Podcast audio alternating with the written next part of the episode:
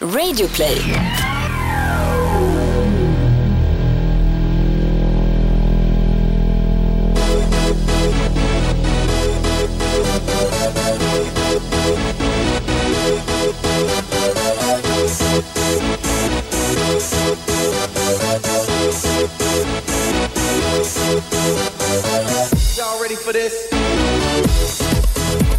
Hallå där och hjärtligt välkomna till det 45 avsnittet av Toto Balutto. Thomas, eh, vi växer ju i lyssningsskara. Det är fler och fler som hoppar på det här tåget. Eh, till de nykomna lyssnarna, Va, vad är det vi gör här egentligen? Vi pratar om fotboll, men vi gör det brett. För eh, normalt sett, alltså de flesta fotbollspoddar är ju ganska nischade. Vi är tvärtom, vi försöker vara väldigt aktuella och eh, försöker vara breda. Sen lite då och då så har vi med gäster. Och eh, i en framtid tänker vi att vi också ska kunna vara lite dokumentära och, och dyka ner till exempel i ett mästerskap. Eller i en säsong som till exempel då eh, miraklet Foggia på tidigt 90-tal. Eller eh, Ars...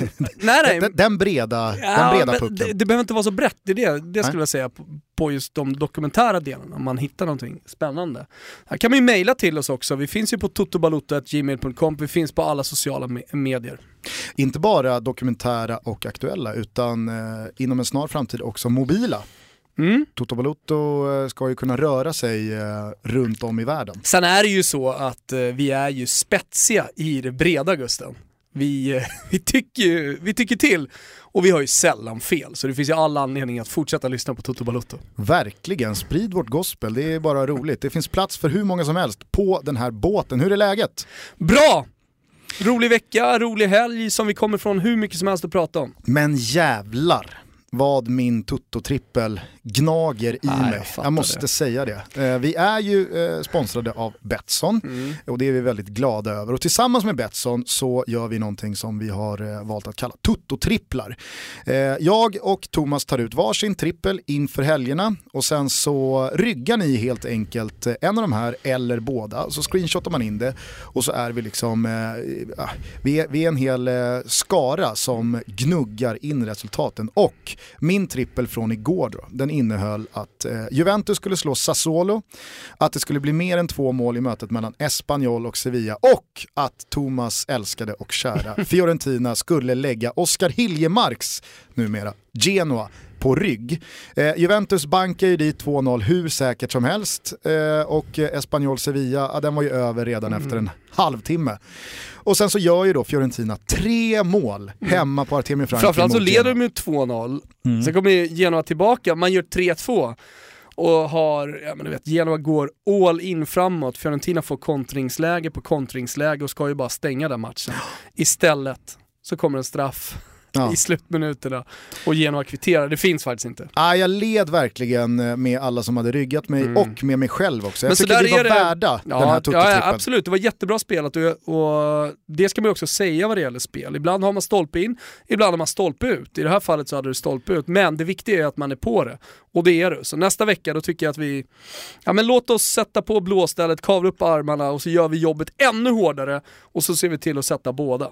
Glädjande nog för alla er som har ryggat de här tripplarna är ju att de behöver inte sitta för att vara med i eh, de härliga tävlingarna Nej, som eh, vi gör tillsammans med Betsson. Utan det räcker med att ha ryggat och skickat in sitt spel under hashtag Tuttotrippen så är man med och tävlar om matchtröjor.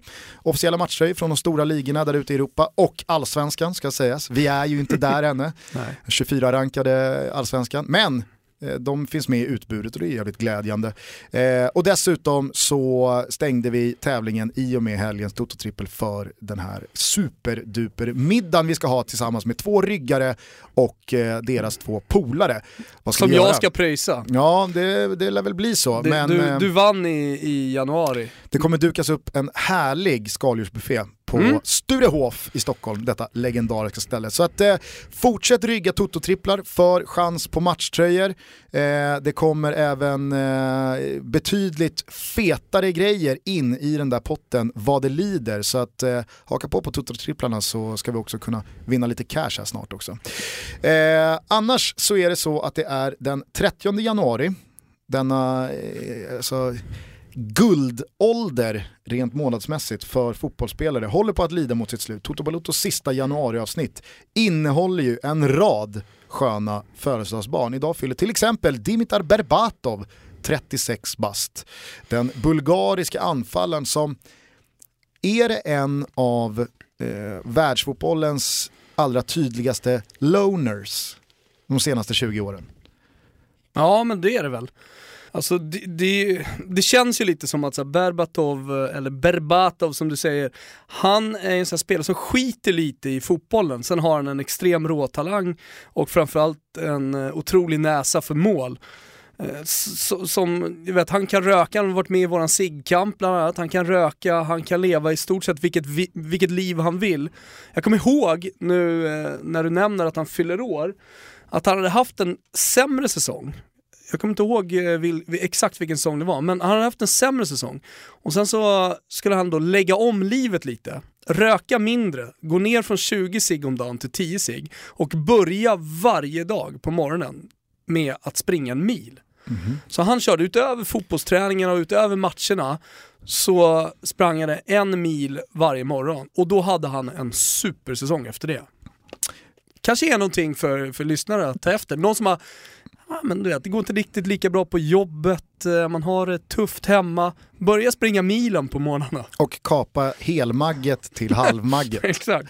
Nej, men... Finns det små paket sig fortfarande? Ja det gör det väl. Ja. Men med Loner menade jag att han alltid har känts olycklig. Han har alltid känts ensam. Håller du inte med mig? Jo, men, men jag tror inte han är det. Alltså, jag tror det, det han valt. Han har valt att leva det livet. Han, han är ju inte den i omklädningsrummet som är polare med alla. Nej, jag tror inte han är polare med någon. Nej, exakt. Sen så, är han motsatsen sen... till Stefan Einhorn? är det inte han som kör det här, jag väljer lyckan? Jo, det är väl det. Men, men eh, är det Att inte... välja olyckan, han, är det, är exakt, det han val, valt olyckan och valt sitt eget liv. Han har ju inte alltid gjort det väldigt enkelt att älska honom. Alltså det, det är svårt, det, i stort sett bara de egna supportrarna ska älska Berbatov när han väl gör målen. Annars så eh, har han ju varit med om ganska mycket stökiga grejer och jag minns ju, och det minns säkert också många, just en deadline day som vi närmar oss Gusten, det är ju mitt i silly season-tider, men en deadline day när han hade då enligt rykten skrivit på för Fiorentina, befann sig i München, hade mellanlandat och eh, ja, men skulle bara gå på planet han dök aldrig upp. Fiorentina hade skickat ut en delegation som skulle möta upp honom på flygplatsen i Florens. Men det kom ingen Berbatov och de fick inte tag på honom. Då hade, då hade det ringt en annan klubb från London, hans fru ville inte flytta. Så han åkte helt enkelt tillbaka. Sånt som kan hända på deadline day, vilket gör just eh, de här sista dagarna på transferfönstret extra, extra roliga. På tal om deadline day och på tal om att det, det finns kap att göra så är ju eh, Dimitar Berbatov eh, en free agent. Han är klubblös, och jag har i alla fall inte uppfattat att han har lagt av. Så att är det någon klubb där ute som behöver panikvärva en forward som ändå har meriterna så finns ju Dimitar Berbatov där ute. Och... Kanske något för Gnaget? Ja, i alla fall så är det ju eh, så att man får nog hosta upp. Han känns dyr i drift. Ja, eh, vi minns ju alla eh, Berbatov, kanske framförallt då från hans tid i England, i, då i Tottenham först och sen i Manchester United. Det var ju väldigt roligt, jag tror att han vann skytteligan i Premier League säsongen 10-11. Och eh, var således, ja, förmodligen, alltså, förmodligen i alla andra lag så hade han varit den stora stjärnan. Men han tar ju då alltså inte ens plats i matchtruppen i Champions League-finalen på Wembley mot Barca, kommer du ihåg det här? Mm, så absolut. det har varit en grej av att skytteligavinnaren i Premier League får inte plats i Manchester Uniteds matchtrupp till Champions League-finalen. Eh, sen minns ju jag honom oerhört mycket från eh, hans tid i Bayer Leverkusen innan han då gick till Tottenham.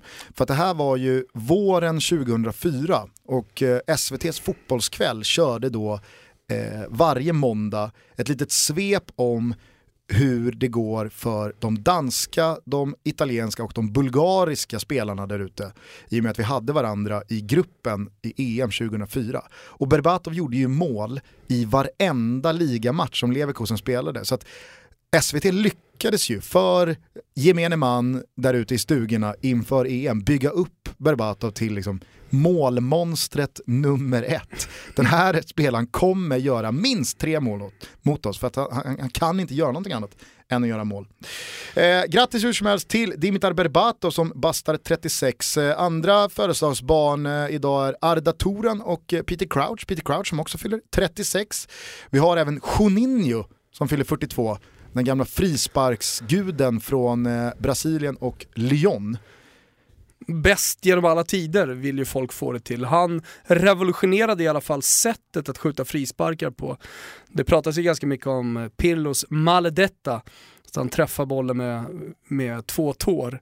Det var ju annars ett sätt som Juninho eh, sköt på som jag tycker verkligen liksom ska tillskrivas honom. Sen kan det vara så att han sköt på ett annat sätt jämfört med Pillo, men Pillo har själv vid flera tillfällen sagt att han studerade eh, exakt tekniken som, eh, som Juninho använder sig av. Vilka har vi som använder den där eh, frisparkstekniken idag? David Luiz slår ju sina frisparkar också med insidan, nästan bredsidan av foten eller ja, i alla fall någon tå, och får den här wobbel eh, skottet som är väldigt svårt att läsa för eh, målvakterna. Det, va, är det så att... Uh, Emil... Se, senast så använde väl Emil Forsberg Jag den? tänkte precis säga det. Fan, så att Emil att man Forsberg, först. Ja, eller hur? Har anammat och studerat den här tekniken. Jo. Det, det passar ju verkligen med de moderna fotbollarna som sagt. Ja, verkligen. Eh, sen så är det ju så att det, det finns ju, precis som att en misslyckad Kukiayo, alltså en, en chipstraff mm. eh, som Totti mm. och ja, Eh, Panenka mm. har gjort eh, kanske mest kända genom tiderna. Alltså när du missar en sån straff så ser det otroligt löjligt ut. Du nämnde inte Graziano Pelle här. Nej, det gjorde jag inte. Han ska inte nämnas i samma andetag som Panenka och Totti vad det gäller den straffen. Han hotar bara. Va? Ja, men håll med om att den straffen ser oerhört löjlig ut när du missar den. Ja, ja, Precis som att eh, Juninho-frisparken ser ju, kan, se, kan se helt bedrövlig ut mm. när du missar den. Du kanske till och med bara får en dålig träff och den lägger sig, liksom, i, någon i muren kan till och med ta emot den. Efter att ha sett mycket av det, de afrikanska mästerskapen ja. så kan man väl säga att eh, de afrikanska mästerskapen är ju inte turneringen där eh, Juninho-frisparkarna liksom duggar tätt. Nej, afrikanska mästerskapen är ju sällan där fotbollen utvecklas. Det är nästan så att den tar steg tillbaka. Ja, den tar steg tillbaka till Championship 1983. Ja, i alla fall så är det, alltså det, det, är som en lång hyllning till de vårdslösa tacklingarna. Ja. Till de huvudlösa tacklingarna. Och, så, och sen blandas ju det med faktiskt en del alltså briljans. Sådär, för det finns ju några spelare som verkligen är världsklass också. Ja, ja, och som då möter spelare som, som är ljusår ifrån dem. Ja. Men det är någonting, alltså det händer ju någonting med spelarna när de kommer dit. Alltså jag kollade kvartsfinalen mellan Senegal och Kamerun i lördags.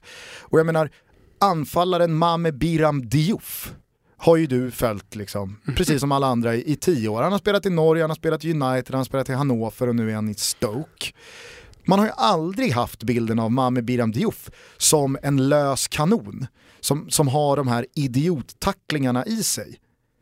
Och så pang, kommer han ner till afrikanska och han, han, han, drar, han, han vässar ju lien Det är som en förbannelse som ligger över hela mästerskapet. Diouf hade på riktigt kunnat få tre straight red i första halvlek mot Kamerun. Han var så övertänd och så att totalt liksom, hjärnblockerad mm i sitt fysiska spel i den här matchen.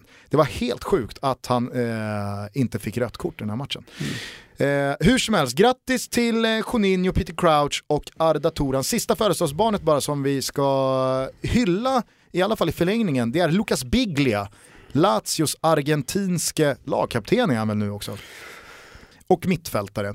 Som, eh, Huvudperson? Ja, eller i alla fall hans närstående har, blev huvudperson efter Lazios eh, tunga, tunga förlust mot tidernas bästa smash and grab-lag, om vi ska tro dig, Kievo, mm. som eh, knappt orkade över halva plan i 90 minuter och sen så gick de upp och eh, gjorde 1-0. Dessutom spelar de med bara massa föredettingar ja. som om man inte har sett den italienska fotbollen på länge, säg att man såg den 05-06 mm. och så helt plötsligt kollar på Kievo, då får man ju riktig nostalgisk chock alltså. Ja men var inte, var inte det lite så här helgen som var? Det var ju då framförallt eh, en Grand Slam-final mellan Roger Federer och eh, Rafael Nadal för första gången sedan 2009 tror jag. Det Har du är, märkt- ändå, det är ändå märkt- åtta år sedan. Har du märkt att eh, de här uttalspoliserna på namn, som vi har pratat väldigt mycket om här i podden. Ja, som du är en av dem. Ja, jag, jag är ju mer en, eh, som någon slags balansmakare i hela den här eh, diskussionen. Alltså Ja. jag tycker att man... Själv är jag stolt över att jag använde både Du Berbatov och ena- Berbatov Ja, i samma sjok. Exakt, du står ju liksom längst bort på den ena poolen och sen så, låt oss säga då står Jesper Husfeldt längst bort på den andra. Eh, och så är jag någonstans mitt emellan. Jag är helt klart inte med de här eh, nya eh, Ro- Roger Federer-uttalandena som säger Roger Federer. Alltså, I och med att han då kommer från en fransk del av, eh, av Schweiz, så, och ha- han själv förmodligen säger sitt namn eh, sådär, Roger. Ah, alltså, jag, jag, orkar inte. Alltså. Jag orkar, jag orkar fan inte alltså. Ja, men vi ska inte landa där. Jag, Nej. det, bara, det, bara, det slog mig i helgen Ja. att eh, man uttalar numera, även i, i Sverige då, hans namn på franskt vis. Jag kan säga så här, det gjorde ju inte Kias vd eller vad fan han var som inledde prisceremonin efter den här finalen i eh, Franska öppna. Han hade en otrolig Alltså otrolig dialekt.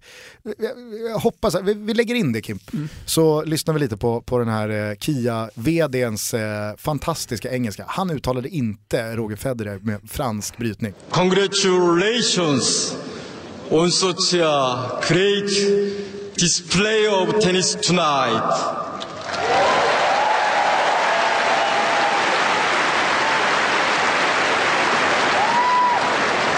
On behalf of everyone at Kia Motors Corporation, I thank you for showing us exactly why the Australian Open is one of the world's most exciting major sports championships.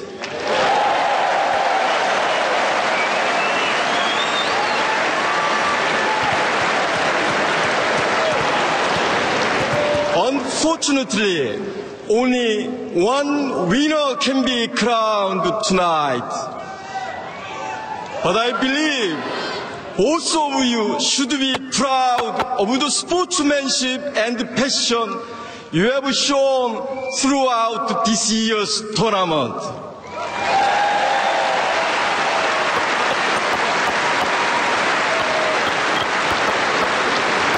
I also thank everyone at Tennis Australia, tournament staff and volunteers for their hard work in making this year's event such a huge success.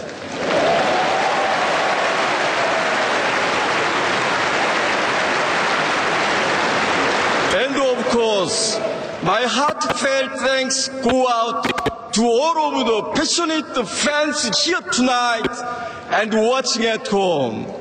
The Australian Open would not be where it is today without all of you, the best fans in the world. Thank you!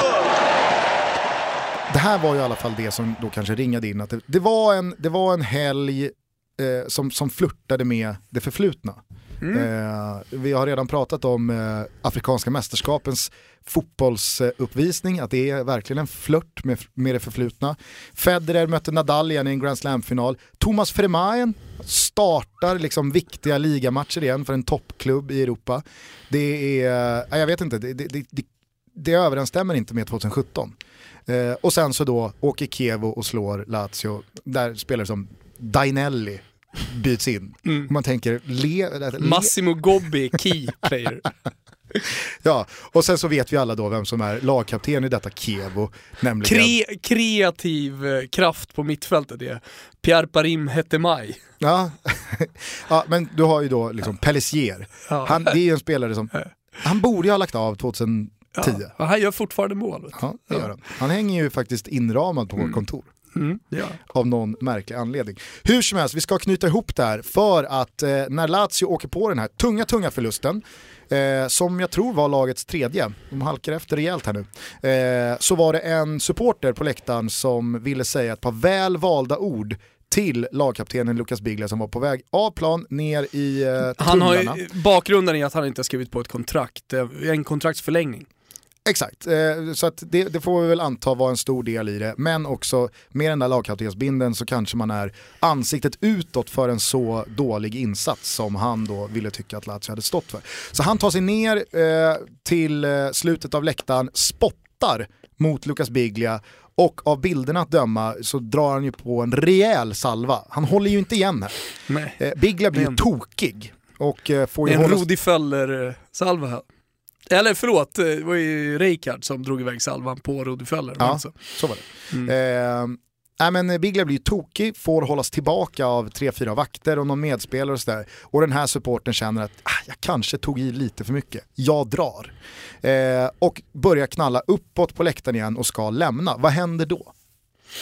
Ja, men, n- när han, kla- allting är över och man kan ju tänka sig att han ska få ett sånt där kallat daspo som man säger i Italien, avstängning från alla arenor och inte gå och kolla på Lazio efter att han, han har gjort det här. Eh, men hur som helst, eh, det här tyckte ju de som står nära Bigla, det är ju på VIP-läktaren, var jävla dåligt gjort. Så hans fru börjar ju gapa och skrika för det första. Och sen så går ju Ju- Lazio-junioren Tom Kara ner och eh, använder eh, nävarna för att sta- stanna honom. Alltså, så det blir ju handgemäng på läktaren. Och det här renderar ju i både en födelsedagstårta till Biglia, men även en utbankad schnitzel här. För du gillade det här skarpt. ja, jag, jag gjorde det. För att någonstans tycker jag, nu när fotbollen blir så modern och den blir så professionell och det blir så slutet och eh, man dömer fotbollsspelare hela tiden, de får aldrig vara mänskliga mer eller mindre. Eh, så, så tycker jag ändå att man kan stå upp för sina vänner. Och det är ju det Tom Kara gör. Det är någon som har gått ner och spottat på hans lagkamrat som han delar dusch med normalt sett. Och då, då, jag, jag säger inte att man ska gå, gå och slå folk, och det gör han ju inte riktigt heller, utan han, han blir sur och markerar. Eh, och det blir eh, lite, ruff, lite gruff sådär. Eh, men jag tycker ändå att man ska stå upp för sina vänner, så jag tycker att Tom Kara gör helt rätt här. Det finns ju inte speciellt mycket som jag gillar med hockeyn, i synnerhet inte framför fotbollen. Men just den här grejen som hockeyn har, att rör man Mm. sin, alltså om någon rör ens keeper, så är det nästan, då har, då har, då har man blå registreringsskylt. Då Ja, har man fri eller- lejd, eller- carte blanche att göra vad fan man vill. Ja, eller om någon nitar dit den stora anfallsstjärnan. Eh, då, då är det ju någon som kommer in och, och markerar att det där gör du inte om. Nej. Händer hela tiden i NHL, det händer allt oftare i eh, SHL. Men är det kanske så att man saknar lite av det här i fotbollen? Jo, eh, men jag, jag, jag tycker i alla fall att man ska stå upp. Alltså, nu ser vi ju det. Tonkara kanske leder eh, trupperna här. Ja, det, det, det vi ser på fotbollsplanen det är ju när någon har blivit nersparkad och eh, lagkamrater går dit och berättar för eh, han som hade delat ut tackningen att, att han har gjort fel. Eh, men när det är så här, liksom, att någon börjar spotta och verkligen förnedra någon, då, då tycker jag verkligen att man ska stå upp och det tycker jag, det tycker jag han gjorde helt rätt och han är värd en utbankad kalvschnitzel. Bra, då stänger vi födelsedagslådan och så tycker jag att Thomas Wilbacher summerar lite vad som har hänt eh, på fotbollsplanerna, inte bara på läktarna, den här helgen. Mm. Det här segmentet Gusten, det är ju lite speciellt. Eh, vi summerar då för alla som inte haft möjlighet att följa eh, med de stora händelserna. Vi försöker vara ganska breda här. Det händer ju väldigt mycket numera under en fotbollshelg och det kan ju vara så att man missar någonting, man har inte haft tid under helgen.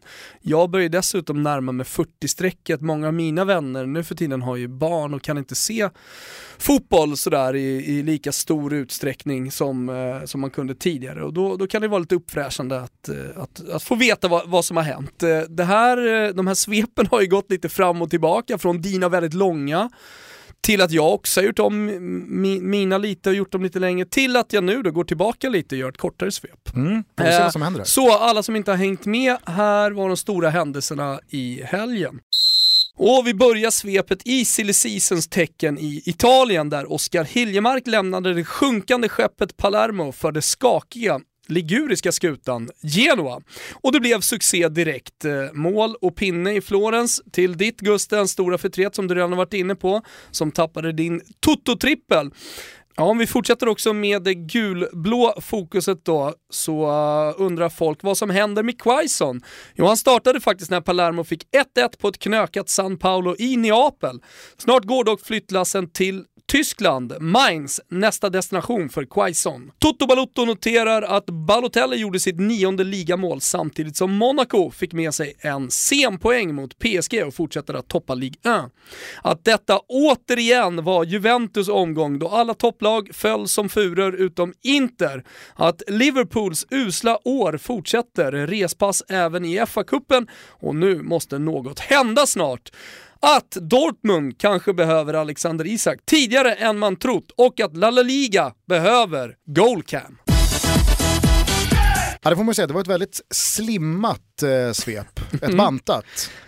Eh, jag, jag, jag lämnade osagt eh, huruvida tidspressen eh, klev in här och, och, och satte krokben för det. Men, men eh, om vi börjar i din Tänk att det rullar där. bilder till det här också, så får man ju ändå en ganska bra blick över vad som har hänt med svenskarna och vad som har hänt med eh, i, alltså de, de, stora rubrikerna i, i ligorna. I England hade vi FA-cup. Ja, och, och, på tal om att, liksom, att favoriter eller topplag föll som furor så var det ju en det var ju ändå en speciell fa Cup-helg. Vi såg Liverpool åka ut mot Wolves, mm. det var du inne på att deras misär som är 2017 fortsatte. Eh, Newcastle skämde ju ut sig, eh, åkte ut. Tottenham höll ju på att eh, dratta på arslet hemma mot Wycombe. Eh, och Ponnes Leeds mm. gick ju på pumpen mot Sutton. Jo, men, men jag tycker att man kan börja ifrågasätta de här kupperna. Jag hade en diskussion för bara några år sedan eh, med en Newcastle-supporter eh, som hävdade att eh, FA-cupen och ligacupen fortfarande har en stor plats eh, i liksom, den engelska fotbollssjälen fortfarande, att det är viktigt. Eh, man eh, roterar inte lika mycket som man till exempel gör i Tyskland, i Italien och i Spanien, de andra stora ligorna när det, när det är cup just för att eh, det är en titel och det är en viktig titel och den betyder väldigt mycket för fansen. Det som har hänt nu i England de senaste åren, och det tycker jag man inte minst då såg i helgen, det är ju att det är uppenbart att det inte finns samma motivation hos klubbarna att faktiskt ta sig vidare i, i det gäller både ligacupen och i FA-cupen. du, du nämnde Leeds som visserligen är ett topplag i Championship, men som i den här FA-cupmatchen ställer ut B-laget. Man vilar jag vet inte hur många, men det är väl en tio man liksom, från den ordinarie startelvan. Det säger ju allt. Och det, det, det som händer med kupperna då, det är att de, men, de, de får inte lika stort värde, i alla fall inte för mig. Och då blir den här engelska helgen på ett sätt uppfriskande då för man får se de här lite mindre lagen, det är inte så mycket av den moderna fotbollen, men det är heller inte de bästa lagen som, som uh, går vidare. Alltså, jag ser ju hellre ett Plymouth vinna över Liverpool, ett, äh, vinna över ett Liverpool som är supermotiverade och som spelar med i stort sett bästa lag, än ett Plymouth som vinner över Liverpool som har roterat bort hela startelvan. Ja det är klart att i det här fallet då, alltså Wolves avancemang mot Liverpool tappar ju i, i glitter eftersom de slog inte Liverpools bästa lag. Där är jag ju helt med dig. Samtidigt så får man ju förstå att med det spelschemat som är, jag menar Liverpool spelar ny match i ligan här nu imorgon eller på onsdag redan. Eh, och, och man, man, är i ett kritiskt läge där också för att hänga jo, på i toppen. Jo, jag förstår klubbarna, ja, det är inga konstigheter. Nej, och det är det jag menar. Sen är det klart att charmen och eh, laddningen i de här fa Cup-matcherna, de får ju verkligen en snyting av att klubbarna måste rotera. Men det är väl klart att Leeds är ju fortfarande Leeds och Sutton är fortfarande Sutton, alltså ett femte divisionslag som eh, spelar på sin arena med ståplatsläktare för ett par tusen och det planen lutar lite och det, det är liksom så här där finns ju fortfarande skärmen och Leeds är alldeles oavsett vilken startelva de ställer på benen. Ett eh, helprofessionellt lag som spelare 12 till 22 fortfarande ska kunna sopa banan med Sutton. Mm. Nu gör de inte det, motivation slår ändå klassen här. Och jag tycker att det fortfarande finns lite av det här elektriska fa Cup-racet kvar. på, på White Hart Lane var det, ju fantastiskt det är inget att se. är svart eller vitt, jag tycker verkligen att uh, Toto Balotto ska vara en nyanserad podd och man ska lyssna på den. Eh, på ett nyanserat sätt, alltså med, med, med förståelse för att även om man går på lite som jag gör nu med FA-cupen, så finns det nyanser. Det är klart att det finns en enorm charm fortfarande med både ligacupen och FA-cupen. Jag säger bara att någonting håller på att hända och har hänt de senaste åren. Det, det, det är ett betydligt mindre fokus i alla fall från de flesta klubbarna och till och med i Championship, liksom, där, där Leeds slåss om en Premier League-plats som är värd hur mycket pengar som helst för ägarna. Och självklart värd hur mycket som helst också för spelarna. Vad fan spelar FA-cupen för roll då? En kupp som man förmodligen ändå inte kommer vinna. Om man går all in i de här matcherna, då kan man kanske tappa en 3-4 poäng i slutändan och det är 3-4 poäng som gör att man inte tar klivet upp i, i Premier League. Ja men kanske är det så att det inte räcker längre, eller det gör det väl inte, det räcker inte att eh, motivera klubbarna att vinna FA-cupen för att FA-cupen är en sån historiskt laddad turnering. Då får man väl göra kanske som Uefa då, att de synade, vad är felet med Europa League? Varför bryr sig inte klubbarna om att vinna Europa League? Och de reviderade vad en vinst ledde till, skickade in en Champions League-plats och helt plötsligt så fick de ju snurr på slutspelet i Europa League. Då började ju lagen se på FA-cupen som kanske i mångas fall deras bästa chans att nå Champions League. Kanske bör FA se över det där också. Eller jag vet inte hur, om, om, om det är, är det Uefa som bestämmer vilka platser som ska generera vad? Eller kan FA bestämma att en av våra fyra Champions League-platser tillfaller nu FA-cupsegrarna? Nej det tror jag inte. Det tror jag inte. varit Nu, så nu, nu, nu, och nu håller ju allting på att göras om för övrigt ska ju sägas också. Vilka det är som kommer tilldelas de här, eh, eh, de här Champions League-platserna vad det lider. Ja, men så, jag tror så, att... eh, Men, men absolut, så det, det var ju det man gjorde med Europa League som helt plötsligt fick ett större värde för, för många i alla fall av toppklubbarna. Kolla på Manchester United den här säsongen. Ja men det var det Där- jag sa, alltså, ja. där, där fick ju Uefa bra snurr på Ja, det. ja exakt. Men, men det är ju så tydligt exempel ju med Manchester United. Som har tappat lite mark, nu finns, lever ju hoppet, Jag menar, Zlatan pratar fortfarande om att eh, vinna uh, ligaguld.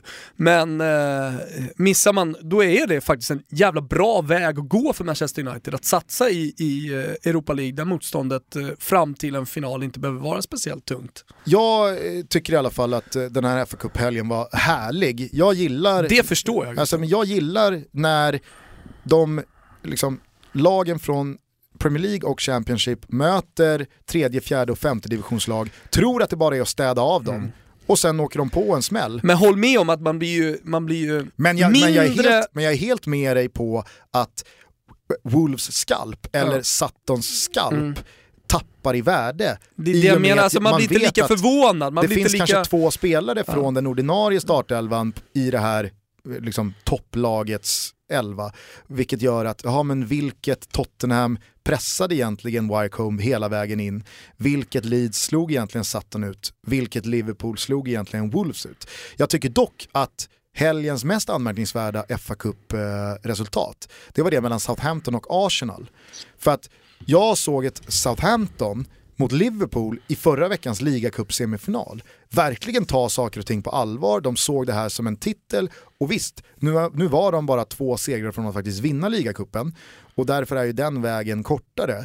Men det var anmärkningsvärt att se ett Southampton som inte kommer ha någonting med nedflyttningsstriden i Premier League att göra, men de kommer heller inte ha någonting att göra med toppstriden i eh, Premier League att göra. Och här får de Arsenal, som ska spela Champions League mot Bayern München om två veckor, som behöver vinna och vinna och vinna och vinna i ligan. Och det märks på deras startuppställning, de ställer upp ett relativt svagt lag, men det gör också Southampton och de skämmer ut sig och torskar med 5-0. Det hade kunnat varit 8-0. Jag börjar spekulera i om tränarna har pratat med varandra innan matcherna om att de eventuellt kommer att, eh, om att de kommer att rotera. Jag har sett det här i flera ligor. Alltså Mm. helt en, en cuphelg så, så möter två stycken topplag varandra, så, eller två stycken eh, eh, Premier League-lag varandra, eller två Serie A-lag varandra, eller två tyska lag varandra. Eh, eh, det, det, det är en hel omgång då i kuppen där man kan se två lag som roterar helt som möter varandra. Och andra änden då två lag som ställer sina bästa på banan från start. Ja. Mm, ja, det här kan ju ha läckt, det kan ju finnas eh, såklart eh, sådana spekulationer som man kan göra. Att det andra laget har fått nys om dem. Eller så är det så att de helt enkelt pratar ihop sig och säger att fan du, nu spelar jag bästa laget. Jag tyckte i alla fall att det var anmärkningsvärt alltså vilken insats Southampton står för. Som alltså torskar med 5-0 hemma mot eh, Arsenal. Där Danny Welbeck stod för en Mm. jävligt härlig och fin eh, comeback får man väl ändå säga. Jag vet att han hoppat in och fått några minuter här och där innan det här, men där har ju Arsenal kanske ett litet nyförvärv inom citationstecken. Och där är ju de här kupperna otroligt viktiga. Just att, eh, alltså, nyttiga rotationer där man fortfarande visar för de spelarna som har varit bänkade innan att vi tar det här på allvar. Vi har ändå sex startspelare på plan. Vi vill se vad det går för. Jag är helt emot de här totala rotationerna. Det kan också få de här B-lagsspelarna eller bänkspelarna att känna att fan vi tar inte det här riktigt på allvar.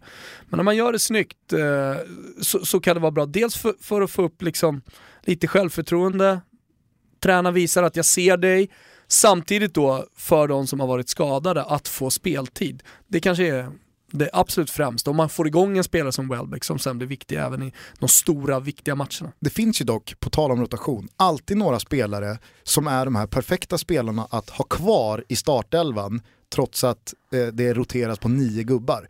Spelare som i de riktigt viktiga matcherna är liksom lika ordinarie som de största stjärnorna. Men de är även de här spelarna som är kvar i startelvan när det ska roteras. En sån spelare är ju typ James Milner i Liverpool. Alltså given från start i det bästa Liverpool, som, alltså det, det, det bästa de kan ställa på banan. Men också så här, är det väl självklart att James Milner också startar i en match där man roterar Är det inte så också att det är ofta de underskattade spelarna som, som eh, spelar alla matcher?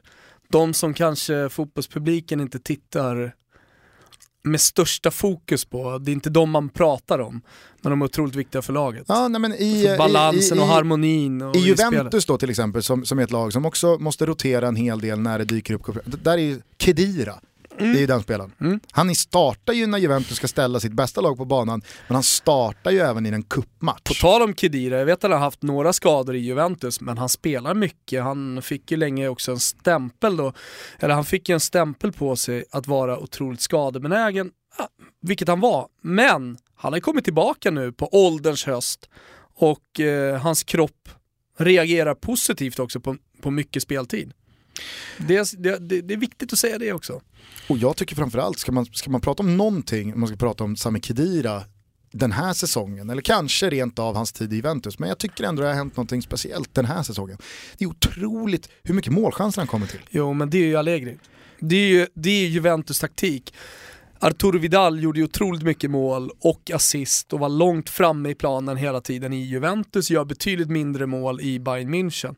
Kedira som har tagit över då mer eller mindre samma position som Vidal hade, är såklart viktig i defensiven och för hela Juventus balans, men också offensivt. Alltså han, han får ganska fria tyglar att följa med i, eh, i anfallet. Det är nästan till och med så att han, han, det, han får instruktioner om att hela tiden befinna sig in i boxen också.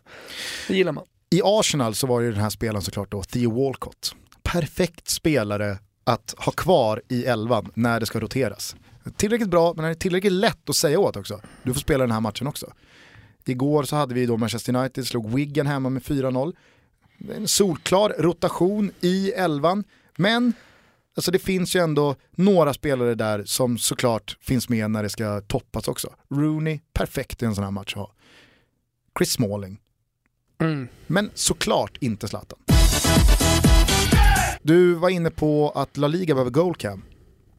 Och eh, du är väl eh, till och med Ja. inne på det så pass mycket att det ska delas ut en gulasch här. Ja men gulasch för spanska ligan som inte hänger med i utvecklingen. Jag gillar ju Goalcam och har alltid varit en förespråkare. Och det här aktualiserades ju igår då när Betis ledde med 1-0 hemma mot Barca. Barca jagar en kvittering, får in den, bokstavligen. Eh, en Betis-försvarare rensar ut den ur mål och den var ju innan som är, det är en meter. Det är en Ja. meter. Ja, den ska man väl knappast behöva en Goalcam på, Nej. kan man tycka. Men eh, det döms bort och eh, Barca fick nöja sig med att kvittera en kvart senare istället på, på övertid och det slutar 1-1. Eh, Ja, men, du är ju en förespråkare för det här. Jo, men toppligorna måste i alla fall kunna sam eller samarbeta, man måste kolla på de andra, vad, vad gör de nu rent teknologiskt? Eh, vi kan liksom inte ligga bakom. Det, det är också så, det avgör så otroligt mycket. Nu, nu ramlar ju Real Madrid ifrån i den där toppstriden och i slutändan kanske är det där målet som gör att, eh, att Barcelona förlorar en ligatitel.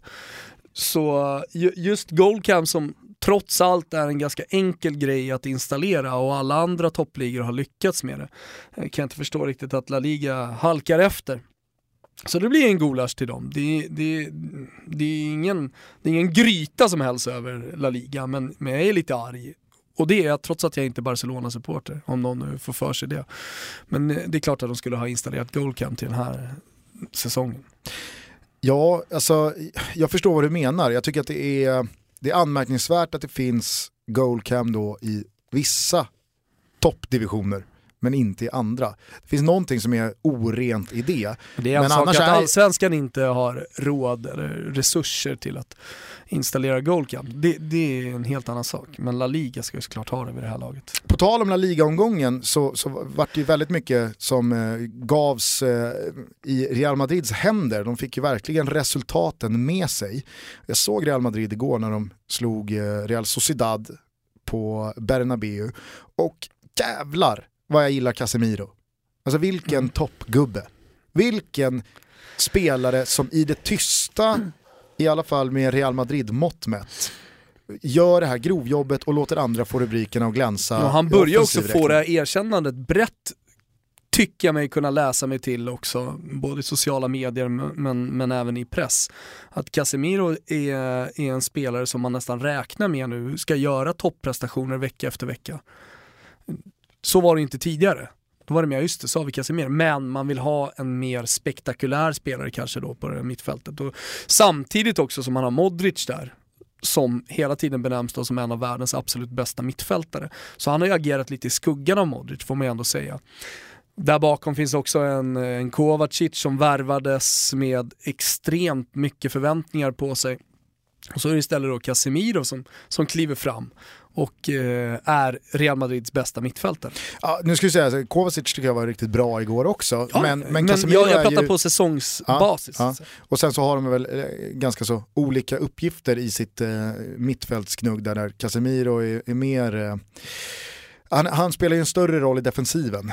Och Jo men om man pratar i, om, i om, om men, båda skulle vara skadade, om man pratar om nyckelspelare, så eh, är ju Casemiro betydligt tyngre att bli av med än, än vad eh, Kovacic är. ja, verkligen.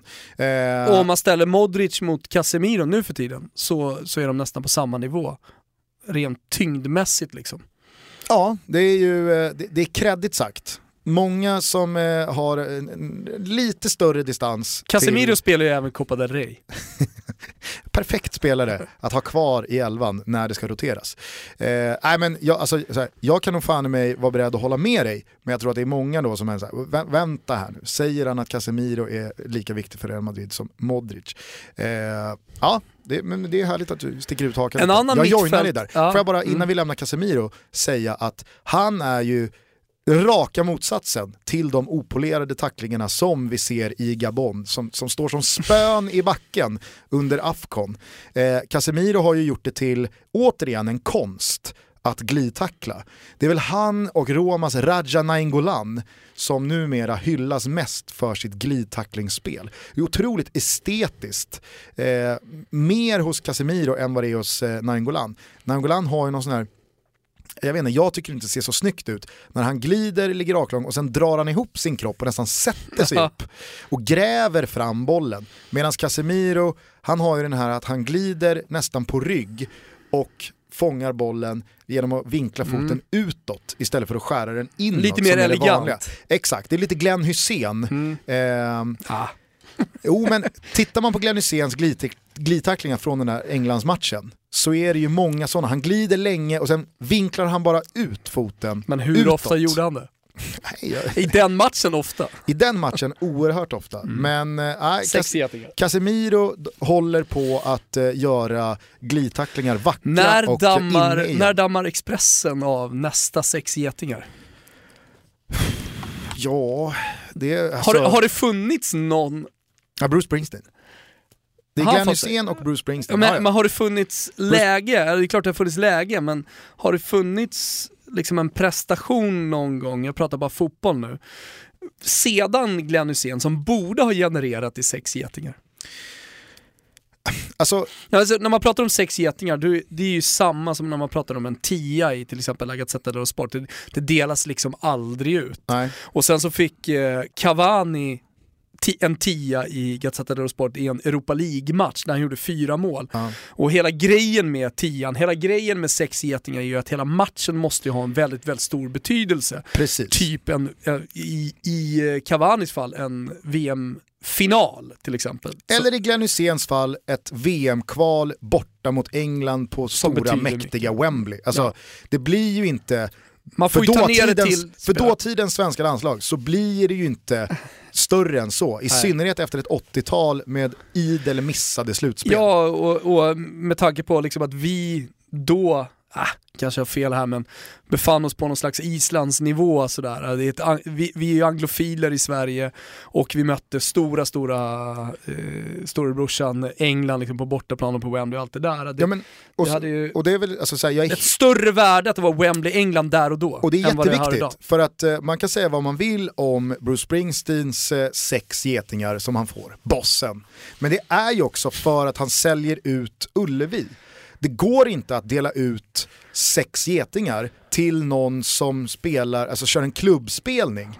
Eller, På Debaser. ja, eller har liksom 2000 pers på, Nej. på sinken. Och det går inte och, att ge Cavani en tia Exakt. i Gazetten. Eh, och den att- journalisten fick ju, jag vet inte om han fick, han fick inte sparken, men han fick ju jävligt mycket skit av hans Men kollegor. alltså, här, sparken hade varit befogad. ja, det har varit rimligt. Du och jag har ju verkligen rätt att säga så. Alltså, f- fick du och jag sparken för det vi Alltså, gjorde? delas det ut en tia, då ska, ju, då ska det ju vara ett uppslag på att nu, nu delas det ut en tia. Ja. Ja, så här- precis som det var med Glenn Hysén. Fem plus eller fem getingar, det må vara en sak. Jag kan köpa att man ger Zlatan fem plus när han gör fyra mål mot eh, ett, ett, ett, ett, blåbärsgäng. Alltså typ eh, Malta eller San Marino. Eller, det vill säga, okej han gjorde fyra mål, det händer väldigt sällan, ge han fem plus. Men det är absolut som du säger så, för att ens överväga sex getingar, för att ens överväga en tia i Så måste sammanhanget vara enormt. eller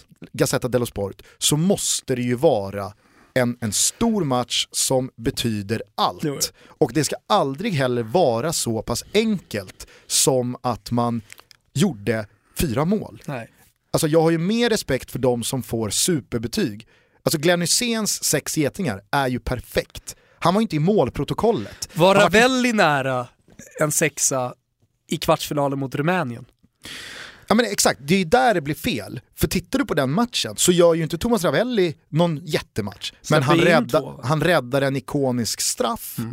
Och och liksom Som så här, stort värde såklart, även när man delar ut betyg. ja ja, herregud. Men det är ju det här jag menar att prestationen ska ju ha varit över hela matchen helt exceptionell. Och det behöver inte alltid mätas i hur många mål man Ja gjorde. men då så, när, när borde det ha delats ut en, en sexa?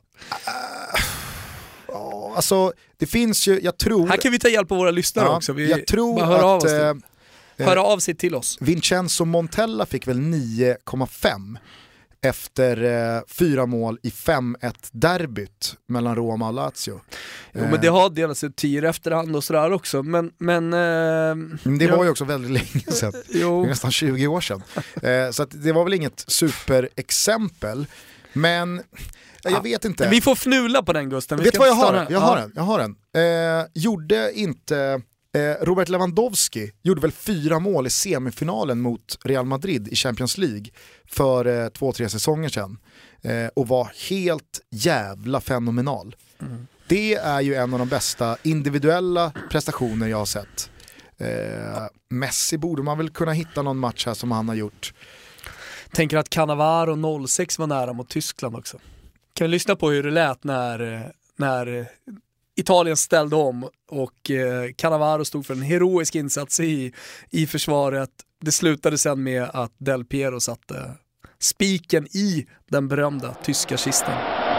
arriva il pallone, lo mette fuori Cannavaro, poi ancora insiste Podolski, Cannavaro, Cannavaro, contropiede con Totti, dentro il pallone per Girardino, Girardino la può tenere anche vicino alla bandierina, cerca due contro uno, Girardino, dentro Del Piero, Del Piero,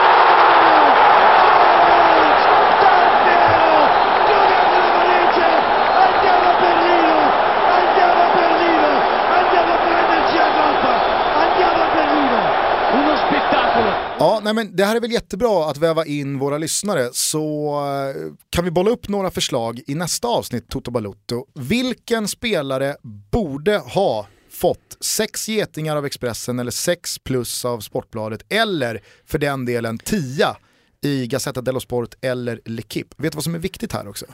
Det är att alla de tidningar där ute som håller på med omvända betygsskalor, alltså där ett är bäst, och fem eller sex, eller de här som håller på med de okristliga historierna som är, att vi kör en fyragradig skala. Ja. Det är alltså så här, någon måste ta in en konsult på den redaktionen som säger, ni har, ju, ni, har ju, ni har ju missat hela grejen här.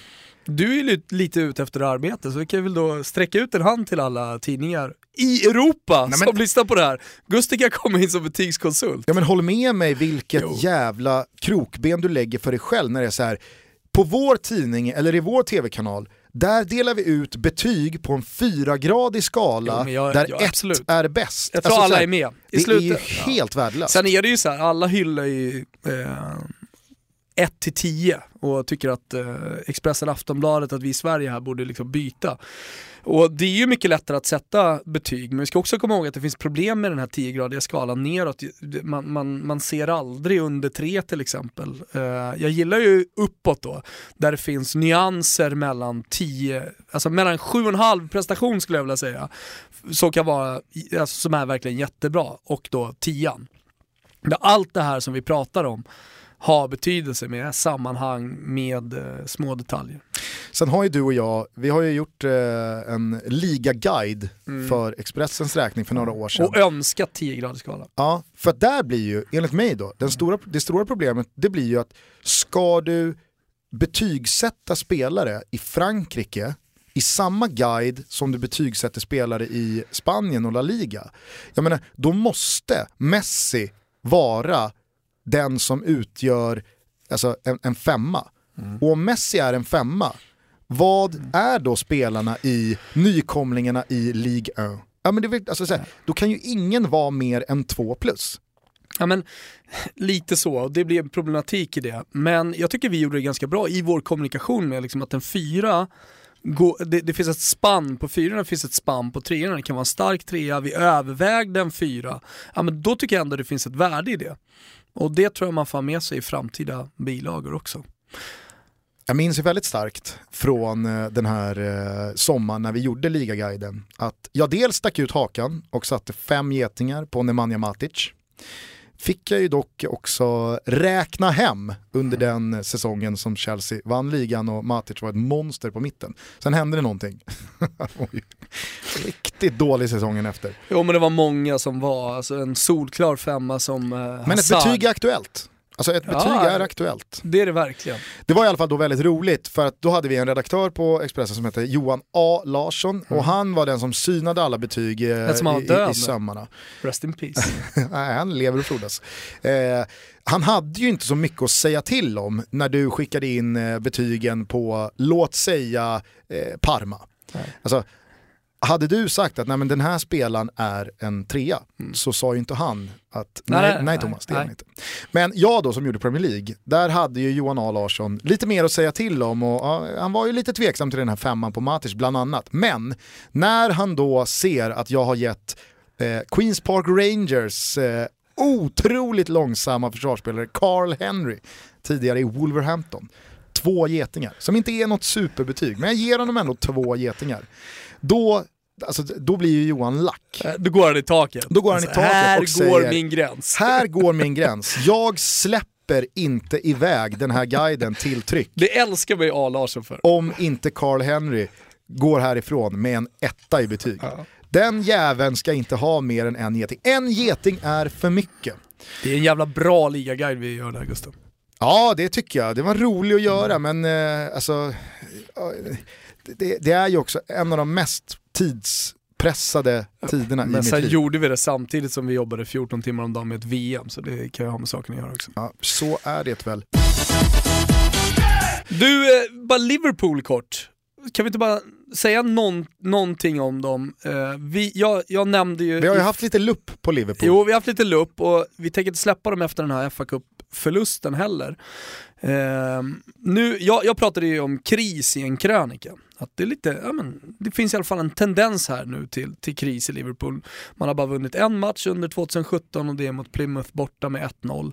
Eh, jag var lite inne på eh, också i, i podden senast att lagen börjar läsa det här gegenpressande klopplaget. Eh, ja, men det, det finns indikationer på att fan, det, det, det är inget bra. Liksom.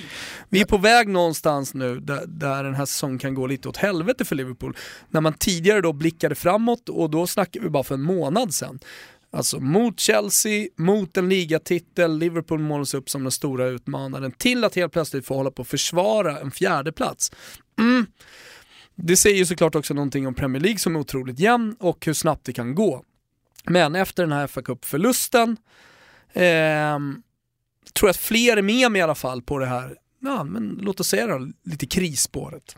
Och en olycka kommer ju väldigt sällan ensam, så, eh, som det brukar heta. Och i de här mörka stunderna så har Liverpool-supportrar också börjat uppmärksamma andra saker som är fel både i och kring sin klubb. Vi ska lyssna på en Liverpool-supporter som sa sitt hjärtas mening om eh, Liverpool och den moderna fotbollen nyligen. I think it's a sign of the times, not just Liverpool, but modern footy in general. Is that it's just Liverpool is like a tourist club now, and I think most of the top six in the Premier League are tourist clubs. And I think it might might have, it gets the club. I think you can tell it gets the club when he shouts about the atmosphere. I think a lot of it is that he's sick of just people just showing up to Liverpool, making a little song and dance about it, taking a few photos, taking a selfie stick to the game. You know, I heard a few lads in the back then saying, "Would you leave if you're watching on the telly in your house?" and it was the 42nd minute, and you still going for that first goal, would you leave and just make a brew? You wouldn't. But you see people leaving, coming back like pizza boxes in the main stand, and it. I just think, where's the club gone? You know, like not even 10 years ago. Like games like 4 0 against Real Madrid, I remember going with my great uncles and stuff like that. The atmosphere was booming. Everyone, everyone in every stand was absolutely booming. And yeah, um, I just think it happens to every club though. I mean, like, we don't have to take the piss out of United. In fairness, Old Trafford's fucking library. Every single football, most modern football clubs now are just so sanitised. They're just going away from its roots massively. And I think that's probably what affects the club as well. I think it affects Klopp because Klopp's gone from a league where tickets are like 20 euro for German fans. Most of the stadiums season For the tickets. working class. It is. It's, it's still in that, and live and Liverpool now. Like that main stand, most of it's corporate. Let's be honest. Like eh, most of that is corporate. I think the cheapest seat that's hospitality at main stand is about 100 quid. Who's got 100 quid to spare to go for the fucking? I think they calls it like the Carlsberg Lounge. They, they wheel in a few old players, Davy uh, Fairclough or someone like that, to get give a little speech, and then they go sit outside. It's just, it's not. You know, you Not footy, is it? it's not. You used to stand 90 minutes on the terraces, go to the fucking sing pong outside, get curry and chips or something, and then you go home. You don't. You don't. You don't be getting like. like some people say it'd be good, but you don't be getting salt and pepper chips at half time or something like that. You don't. It's not a gourmet thing. It's not a day out. It's you supporting your club because your club is your club. It's your team. It's your city. It's everything. And I just feel like it's it's it's losing that with Liverpool, and it's been losing it for the last seven years. And I do look. I do worry about the future because I think, are we going to become a team where people just book, just go think, oh yeah, let's go for Liverpool for the day out, and you, you won't hear a Scouse voice on the terraces. You just there won't hear anything. That's that's. I think it's part of a wider problem. Till att börja med, jävla dialekt. Svår att pull off. Ja, han är svår, svår att efterhärma helt klart. Men då kan man ju undra så här, den här snubben, Ja. vet man ju, han säger ju inte Steven Gerrard. Och då kan ju det då få, få klä skott i den här uttalsdiskussionen. Ska, Återigen balans i den. Jag, jag, jag, jag är facit. ja, men tänk hur vedervärdigt det hade varit ifall alla i Sverige, alla, alltså alla kommentatorer, om nu Steven Gerrard fortfarande hade lirat, då skulle ha sagt Gerard, Steven Gerrard. Du, jag vet inte, du la inte märke till det tidigare men eh, jag uttalade ju Juninho med J. Du körde ju Juninho. Spanskt uttal då. i Brasilien, eh, i Portugal så, så kör man ju inga Juan Jesus till exempel utan det är ju Nej. Juan Jesus. Eh, det, det tycker jag, det ska man som kommentator i alla fall, att du och jag sitter här och liksom slänger oss med namn från hela världen jag tycker att det är, det är helt okej att du säger Juninho, därför jag heller inte rättade dig. Men är du Men hade liksom, du rättat mig och sagt han heter Gerard, Gerard. då hade jag ställt mig upp och Ja, gått. men Juninho, där tycker jag liksom, det, det, det är ju någon slags, det är någon slags regel på portugisiska. Han heter ju Johan Jesus och då ska man säga det också. Eller Juninho. Jo fast då, då får du Nej, men ju... Juninho är ju direkt fel. Men du får ju lägga till då någon jävla portugisiska Juninho. Nej, det, det, det är det jag inte gör. Det är därför jag är facit. Det är därför jag sitter perfekt där, mitt emellan. Ja, Nej, jag vet inte, jag, jag, Men du måste ju hålla dig till reglerna. jag tycker att jag har hittat en kanonfrekvens. Du tycker det? Följ mitt spår så kan Säg man fel. aldrig göra fel. Nej, för du gör det fel hela tiden. Nej, Det är det i och med att det är ett hopplöst fall så Nej, är det, så att... Juninho är ju inte ett hopplöst fall. Jo, Va? det är det ju. För att det kommer, för, som jag säger, du säger att nej, men det räcker med att eh, uttala j istället för j. Men alltså, så här, det finns ytterligare nej, grejer nej, nej. som är fel. Och då är det Nej, så här, Det är nej, inte fel. Det, du, jag säger, vet man direkt- vem jag menar så har jag sagt rätt. Ja, fast då kommer det bli... eh, Det, det är ignorant skulle jag vilja säga. Mm. Språkignorant. Må så vara, men det är också en väg som är rätt. Vet du vad det är? Nej, det är som har fällt det- upp spärrarna på en bowlingbana. Jag kan inte hamna i rännan. Nej, alltså... Mitt bowlingklot kommer slå ner minst ta, en... liksom. Alltså, mitt bowlingklot kommer Lite slå ner, ambitioner i alla fall måste du ha. Du, du kan inte bara liksom helt plötsligt bara gå och säga fel på allting. det kommer slå ner minst Var går en gränsen då för dig? Jag, jag, jag sa ju precis det. Ja. Vet det finns man, inga gränser. Ja, men vet man vem som åsyftas så har man sagt rätt. Okej. För att allt annat Ja, det är- är bara nyanser och det man kommer inte ja, nå det är ett konsensus. superambitioner. Nej, nej. Må så Det är inget jättebra, alltså just i det här läget du befinner dig i, när kanske tv-hus tittar på dig och sånt där. Det, det är inte jättebra för ditt CV att sitta och säga de här grejerna om du lyssnar på podden. Jag vill, rikta, jag vill rikta mig direkt här till alla potentiella arbetsgivare. Jag är stolt över att i samma diskussion säga Berbatov och Berbatov. Ja, Okej, ja, det är bra. Jag skjuter brett.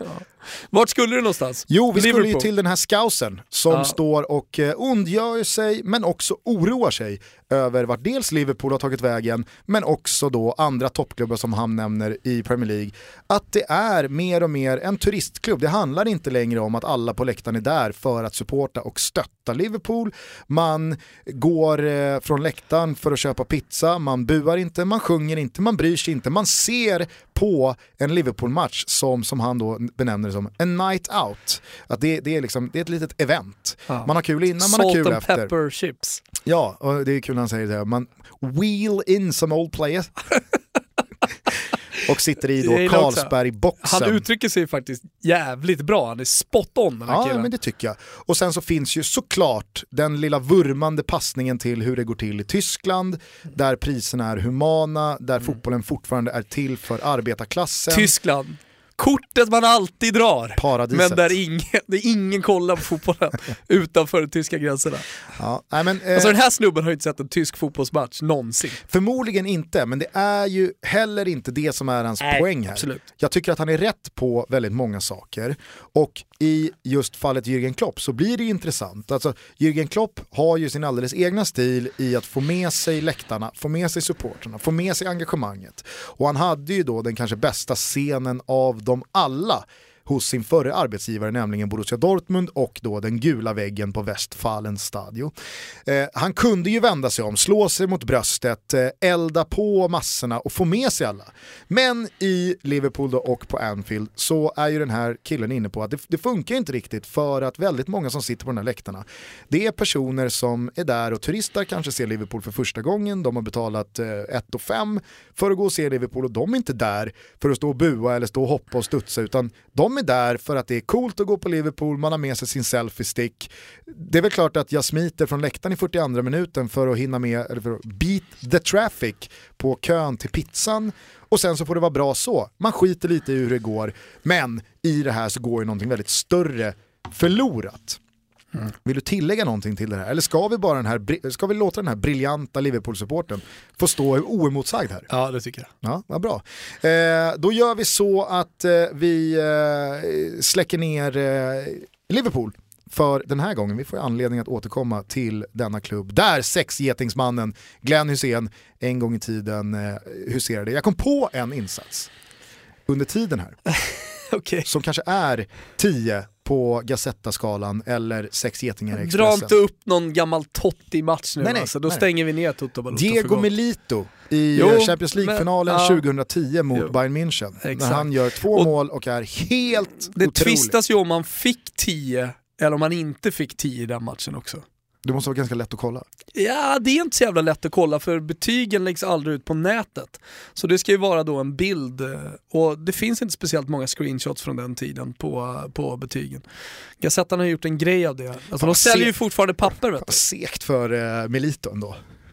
Fick jag 10 eller inte? Exakt. Men jag säger och jag hävdar eh, bestämt att han inte fick en 10. Nej. Men håller du med mig om att det var en insats som eh, Ja. kunde ha renderat i en Jo, 10? jo. Man och den var uppe för diskussion också. Ja, jag kan i alla fall ta gift på att Melito aldrig har vaknat på morgonen och känt yes, jag fick en etta i den danska tidningen Extrabladets eh, tidning. Är det, är det På danskjävlarna på som den- håller på med det här? Alltså, danskar kör ju många omvända skalor. Ja. Tyskar också. Hela Danmark är Ja, det är sådana tankevurper så att det liknar fan i mig ingenting. Eh, men gör så att hör av er med eh, insatser som ni tyckte borde ha renderat i sex getingar eller tio på eh, Gazetta-skalan eller kanske också för den delen L'Equipe. De är också väldigt snåla med sina betyg. Eh, vart hör man av sig? Man hör av sig till totobalotto.gmail.com eller på sociala medier, där hittar vi Totobalotto, finns lite här, här och var. Du Gusten, när vi pratade om eh, Tom Kara som stod upp för sin lagkapten eh, så kom jag att tänka på lite andra spelare då som eh, ja, men har varit ute och svingat eller som är väldigt mycket sig själva i alla fall fortfarande i den här eh, väldigt professionella fotbollsvärlden. Balotelli gjorde mål i helgen, vi ska inte prata om honom. Eh, Nice vann, gick upp på samma poäng som eh, eh Monaco. Som var med i svepet, eh, jävla rolig för övrigt, League Ö-avslutning. Tror du skulle säga. Jävla roligt svep. Jaha, Klassvep. nej. Eh, eh, roligt att, att eh, det verkligen lever i allra högsta grad eh, i, i Frankrike. Eh, men en annan spelare som jag sprang på och läste om inför Barsas match var ju Dani Ceballos, en ung mittfältare, spelat U21-landslaget för Spanien, som har liksom gått lite i bräschen emot Barcelona och eh, hela, låt oss säga då, Katalonien-runket som, som eh, omgärdar Barcelona också som fotbollsklubb. Där Puyol har varit eh, väl en av de liksom, främsta fanbärarna. Katalonien-runket. Är ändå, det är kredit. Ja. Det är kredit att Jo men de står ju också ganska mycket ensamma, i alla fall i Spanien. Och då har den här unga mittfältaren gått ut och ja, men, verkligen varit i bräschen eh, för då den andra sidan, Spanien, han lirar i, han lirar i Betis, han är före detta Sevilla och Betis-talang som har gått upp i A-laget och gått i, i sociala medier och rätt emot legendaren eh, Carlos Piol. Och det, det tycker jag ändå är starkt. Och sånt här tycker jag alltså fler borde ta efter. Det finns jävla lite av spelare som är sig själva. Spelare som vågar liksom uttala sig. Och i den här matchen just då mot Barcelona så var ju också Dani Ceballos en av de absolut främsta spelarna för sitt Real Betis. Han lirade ju, låt oss säga då lite för kung och fosterland. Eh, och jag tyckte det märktes i matchen, för jag hade läst om honom innan. Han svettades lite mer än sina lagkamrater. Han är ju lite att stå upp för också i den här matchen genom att han har gått det här kriget då emot Carlos Puyol och emot eh, Katalonien-runket. Ja, alltså det är ju inte så att han kängar Villarreal. så utan han, han kängar ju 20 ändå, han kängar ju ändå Barca. Jo, det är modigt. Du kommer väl ihåg när Barca, det var väl ett år sedan va? De värvade den här forwarden som något år innan hade, alltså som uttalad Real Madrid-supporter, twittrat någonting om, eh, alltså no, no, no, något negativt om Barca. Och signade för Barca och sen så hittade ju någon supporter den här gamla tweeten, letade upp den, skickade in den och det slutade med att de rev kontraktet bara två dagar senare. Alltså, så känslig är ju världsfotbollen idag och det Alltså, är ju det- sorgligt. Ja, ja, det tycker jag verkligen. Och Dani Ceballos, han kommer ju aldrig spela i Barcelona. Nej, Men det är ändå ett inte. vägval han har gjort. Jag tycker att det är, det är uppfriskande i dagens eh, fotbollsklimat. Eller så kommer Dani Ceballos om tre år vara ansiktet utåt för hur själlös fotbollen har blivit. När han signar för När han femårskontrakt Ja. för Barcelona. Han står och håller upp tröjan där och sagt jag har tänkt om. Då går fan Toto Balotto i graven alltså. Men på tal om Då Katalonien. gör vi ett samarbete med laget.se så åker vi bara ut i femmannaplanerna runt om i, i Sverige. På tal om Katalonien-runket, denna smala eh, individer, alltså grupp av individer, eh, så måste jag säga att en av januarifönstrets absolut mest oväntade övergångar stod ju Bojan Kirkic för. eh, Är den så oväntad? Ja, för att Bojan Kirkic, skulle han någonstans, denna superduper talang som slog igenom med buller och brak i Barca, vann både ligatitlar och Champions League och som spåddes en lysande framtid.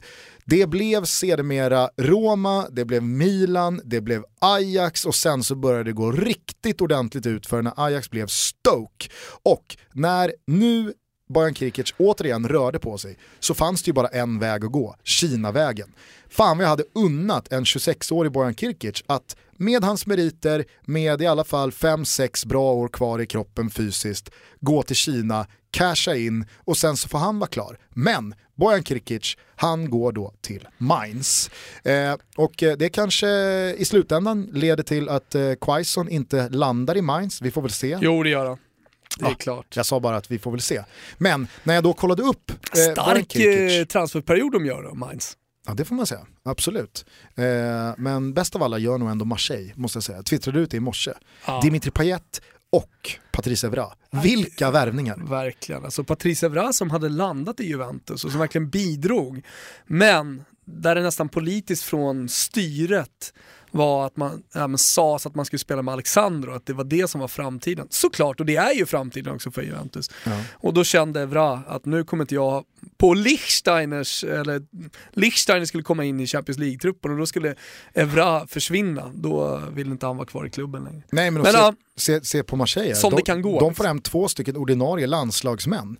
Alltså Evra med meriter och erfarenheter som, som är bräda de flesta. Och Dimitri Payet som, eh, jag menar, det, det, är väl eh, tillsammans med Griezmann kanske Les Bleus mest hypade spelare. Alltså du kör ändå Payet, på samma sätt som du kör Bayern. Bayern.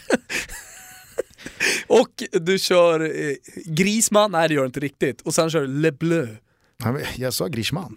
Ja, lite Du eller? fattade vilka jag pratade om, eller hur? Nästan Och det inte. gjorde alla lyssnare också. Ja. Supervärvningar i alla fall eh, från Marseilles sida. Sen så kanske det smakar lite surt att hylla den här värvningen av Dimitri Payet med tanke på hur han lämnade West Ham. Jävlar vad de inte skrädde orden från West Hams ledning. Nej. Läste du vdn där som gick ut och sa, jag vill bara poängtera en sak här. Innan vi säger tack och hej till Dimitri så vill jag ändå med eftertryck säga hur jävla besviken vi är på honom. Ja, det var nej, märkligt. Mm. märkligt. Eh, hur som helst.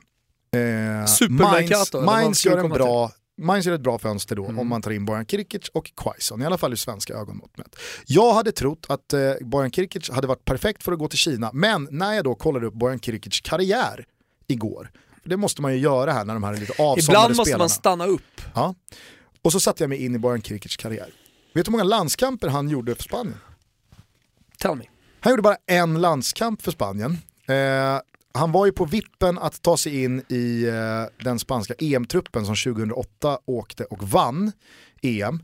Eh, men Aragones, som var förbundskapten då valde att inte ta ut honom och istället så fick han debutera då under Vicente Del Bosques första höst senare det året, 2008 alltså. Eh, eller om det var 2009. Skitsamma. Det blev bara en landskamp för Bojan Kirkic. Förvånande nog, han spelade ju i Barca på den här tiden och var ju ah, var han, 20 bast. Eh, ändå så väljer då Bojan Kirkic att säga nej tack Spanien, nu skiter jag i det här. Jag börjar lira för Katalonien. Så att han spelar ju numera sin landslagsfotboll för Katalonien. Vem hade kunnat tro att Bojan Kirkic för fem år sedan skulle då tillhöra Mainz och spela sin landslagsfotboll för Katalonien. Katalonen är ju, jag vet inte hur erkända, eller hur erkänt landslaget Katalonien är, eller hur nära de är att bli erkända så som Kosovo och så som Gibraltar. Eh, och snart spelar då EM-kval. Men om de kommer att göra det, alltså om, eller om de blir erkända. Vilken Så finns munsbit i EM-kvalet. Ja, men det, det finns en del bra spelare, för jag eh, läste också på när Gerard eh, Delofeu gick till eh, Bra Milan. uttal, får man verkligen säga. Gerard Delofeu. Nej, jag sa Delofeu. Vad fan heter han då? DU Han heter, han heter Gerard Delofeu. Delofeu. Ja, Är det någon jävla romersk kejsare vi pratar om? här, han, är inte, han är inte frasse, Vad sa du? han är inte fransman. Nej, men eh, det, det, är väl ett franskt namn? Hans pappa är väl fransman, fan vet jag. Okej, så varför uttalar du Gerard som Steven Gerard? Nej, men jag har bara fått för mig att han heter Delofeu. Se, äh, se, ser, ser du problemet som blir Ja. när man ska hålla Nej, på det, och nu- rätta varandra? Nej men det här är korrekt. Tänk jag jag hamnar precis i var- mellanläge. Men han har också då valt att spela för, för eh, Kataloniens landslag. Va, vad kan de skrapa ihop för jävla superlag här, Katalonien? Ja, de har ju onekligen bättre förutsättningar än typ Gibraltar. Ja, Gibraltar har inga förutsättningar överhuvudtaget. Däremot så har ju Kosovo då alltså, lite liknande förutsättningar som då Katalonien. Ja, Det finns ju många som härstammar därifrån och som, som kan eh, välja att dra på sig Kosovo-tröjan istället. den före detta finska förbundskaptenen Hasse Backe. Som han- snart ska in i Toto Balotto. som snart ska in i Toto Balotto, han får väl berätta om det här själv, men när han då fick beskedet om att eh, Kosovo skulle stärka till hans VM-kvalgrupp så var han ju inte glad. Nej. Där fanns ju Gibraltar, där fanns Kosovo, Fifa hade inte riktigt bestämt, båda kom in, blev det Gibraltar? Nej det blev Kosovo. Första matchen dessutom också. Men nöd och näppe fixade de ju en pinne. Ja. Ja, nej, men i alla fall, det var, det var kul att se, men också väldigt förvånande att Bojan Kirkic spelar sin landslagsfotboll för Katalonien Mm. och att han inte väljer att ta cashen i Kina. Utan istället byter Stoke Vi mot alltså kommit, Mainz. vi har alltså kommit dit nu, att det är förvånande när spelare inte väljer cashen i Kina. Nej, men Det- precis, det så- bästa precis, som att det finns, exemplet- precis som att det finns spelare som är självklara att behålla i elvan som du roterar, så finns det ju spelare Mm. som verkligen är självklara att gå till Kina när chansen dyker upp. Jag säger inte att Nikola Kalinic var en sån självklar spelare som skulle gå till Kina, men värvningen och övergången var självklar när man hörde om vilka pengar det handlade om. För hans del handlade det om att han, liksom, från att vara ekonomiskt oberoende och säkert någon generation efter eh, Kalinic eh, spelarkarriär, eller vad säger jag, hans liv också i släkten kommer att vara ekonomiskt oberoende till att säkra upp ganska många generationer framöver. Det var otroliga pengar. Jag tror det snackades om 100 eh, miljoner netto per år för, eh, för eh, Kalinic-gubben. För Fiorentinas del så skulle det handla om nästan en halv miljard pesetas rätt in på, eh, på kontot. Kanske man hade haft råd att plocka in Dimitar. Nej, men det, var, det var ju liksom så här, Fiorentina har inte råd att säga nej. Kalinic, ja, men han har ju såklart råd att tacka nej, han är en välbärgad man minst sagt. Men ändå, skillnaden var stor, det var extremt mycket pengar. Han tackade nej, och jag menar det var inte Messi. Det, det, det, det är inte Messi vi pratar om. Och han tackar nej för att ja, men han trivs i Florens. Jag trivs i det här laget, jag vill fortsätta, liksom, jag ska inte säga skriva historia, men fortsätta göra liksom, goda ting för klubben och vara nyckelspelare. Äh, det, det var ändå märkligt.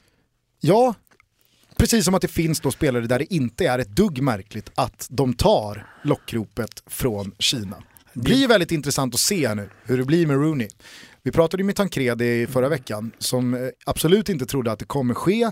Men eh, nu har det väl börjat tisslas och tasslas om att Mourinho ska ha då gett sin blessing till att det här kan ske. Vi får se. Eh, så att, eh, nej, det finns spelare som ska till Kina och som inte ska till Kina. Och så finns det spelare som ska roteras och som inte ska roteras. Och så finns det spelare som då Bojan Kirkic som visar att eh, det är omöjligt att förutse hur en fotbollskarriär kommer att se ut. Hur hårt och bra man än har slagit igenom. Eh, känner er träffade de som vill känna sig träffade. Det blir väldigt spännande att se i alla fall vart vissa karriärer tar vägen. Kan vi inte avsluta då Toto Balutto denna januaridag när eh, allting går åt eh, Kina-hållet, det blir mer och mer stängt kring spelarna, Dortmunds taktik som handlar om att eh, de här unga talangerna inte ska få säga, ska knappt få öppna munnen och andas liksom i närheten av en journalist. Hylla de här som står upp dels då som Tom Kara för sina kamrater och dels då vår eh, gode Katalonienhatare Dani Ceballos som eh, väljer att eh, vara väldigt tydlig i alla fall med sin ståndpunkt även vad, även vad det gäller politiken. Ja, tunn is som sig bör i Toto Balutto. Det här var det 45 avsnittet. Eh, ni vet väl att ni eh, kan följa oss i våra sociala mediekanaler. Instagram och eh, Twitter, där heter vi Toto Balutto. Snart så jackar vi även upp eh, vår närvaro på Facebook. Eh, så mycket kan vi Stora väl grejer säga. Eh, hörni, gör också så att ni eh, kikar in här nu på grandfrank.com. Rabatten gäller idag och imorgon sista januari. Det är 10% med rabattkoden TOTOBALUTTO och för många av er så väntar ett hejdundrande party om två veckor den 15 januari. Man Eh, har ju faktiskt chans att köpa sig en plats på det här balunset om man har eh, lite pengar över och samtidigt då vill ha en klocka. Köper man en klocka med rabattkoden får man inte bara rabatt utan man, man får även plats på balunset. Sista chansen alltså. sista chansen och sen så finns det betydligt fler chanser att framöver haka på på Toto-trippen som kan generera eh, viktiga cash. Det behöver man ju så här i, i vintertider. Eh, men alltså också mycket fina tröjor man kan välja från toppligorna där ute i Europa och allsvenskan. Allsvenskan som fan, det, det börjar puttra lite om det nu. Har du sett eh, träningsmatcherna på Simor? Jag vill Japp. rikta en stor varm kram till Simor och deras ambition eh, som de gör med de svenska träningsmatcherna. Det är eh, fantastiskt att kunna se. Det är sådana här perfekta tider också, när de hänger i La Manga och Sydafrika och sådär. Det, man, man, man kan se AIK, Blåvitt och eh, Bayern och Bayern.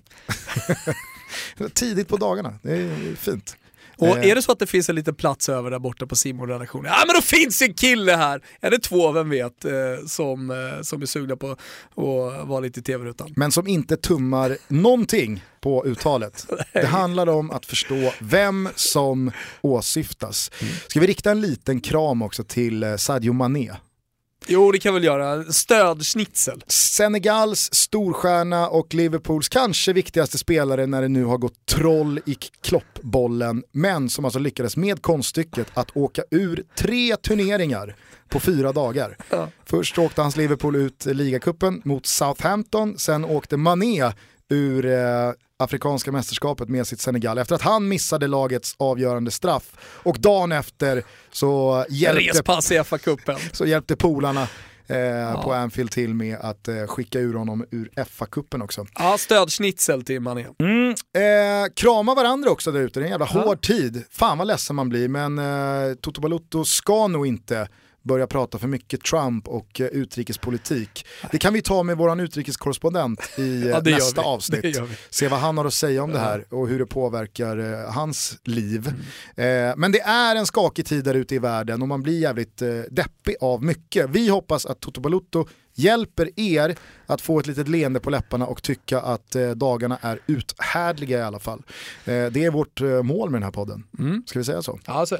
Vi avslutar det här 45 avsnittet med mannen som prenumererar på sex getingar från Expressen. Och då pratar vi såklart inte första konserten, den får ju alltid bara fem getingar. Det är andra konserten på Ullevi som alltid eh, genererar sex getingar. Och Bruce Springsteen älskar Göteborg. Ja det gör han verkligen. Mer än någon annan plats i hela världen så älskar han Göteborg. Ja, eh, och det, det, det passar väl således väldigt bra att avsluta det här avsnittet med en gammal eh, Bruce Springsteen-dänga, kanske Waiting on a sunny day. Eh, för det är väl också lite det man gör så här års. Eh, hör av er om det är någonting, totobalotto.gmail.com. Vi älskar att ni lyssnar, fortsätt sprid vårt gospel så hörs vi om några dagar igen. Ciao tutti! Ciao tutti!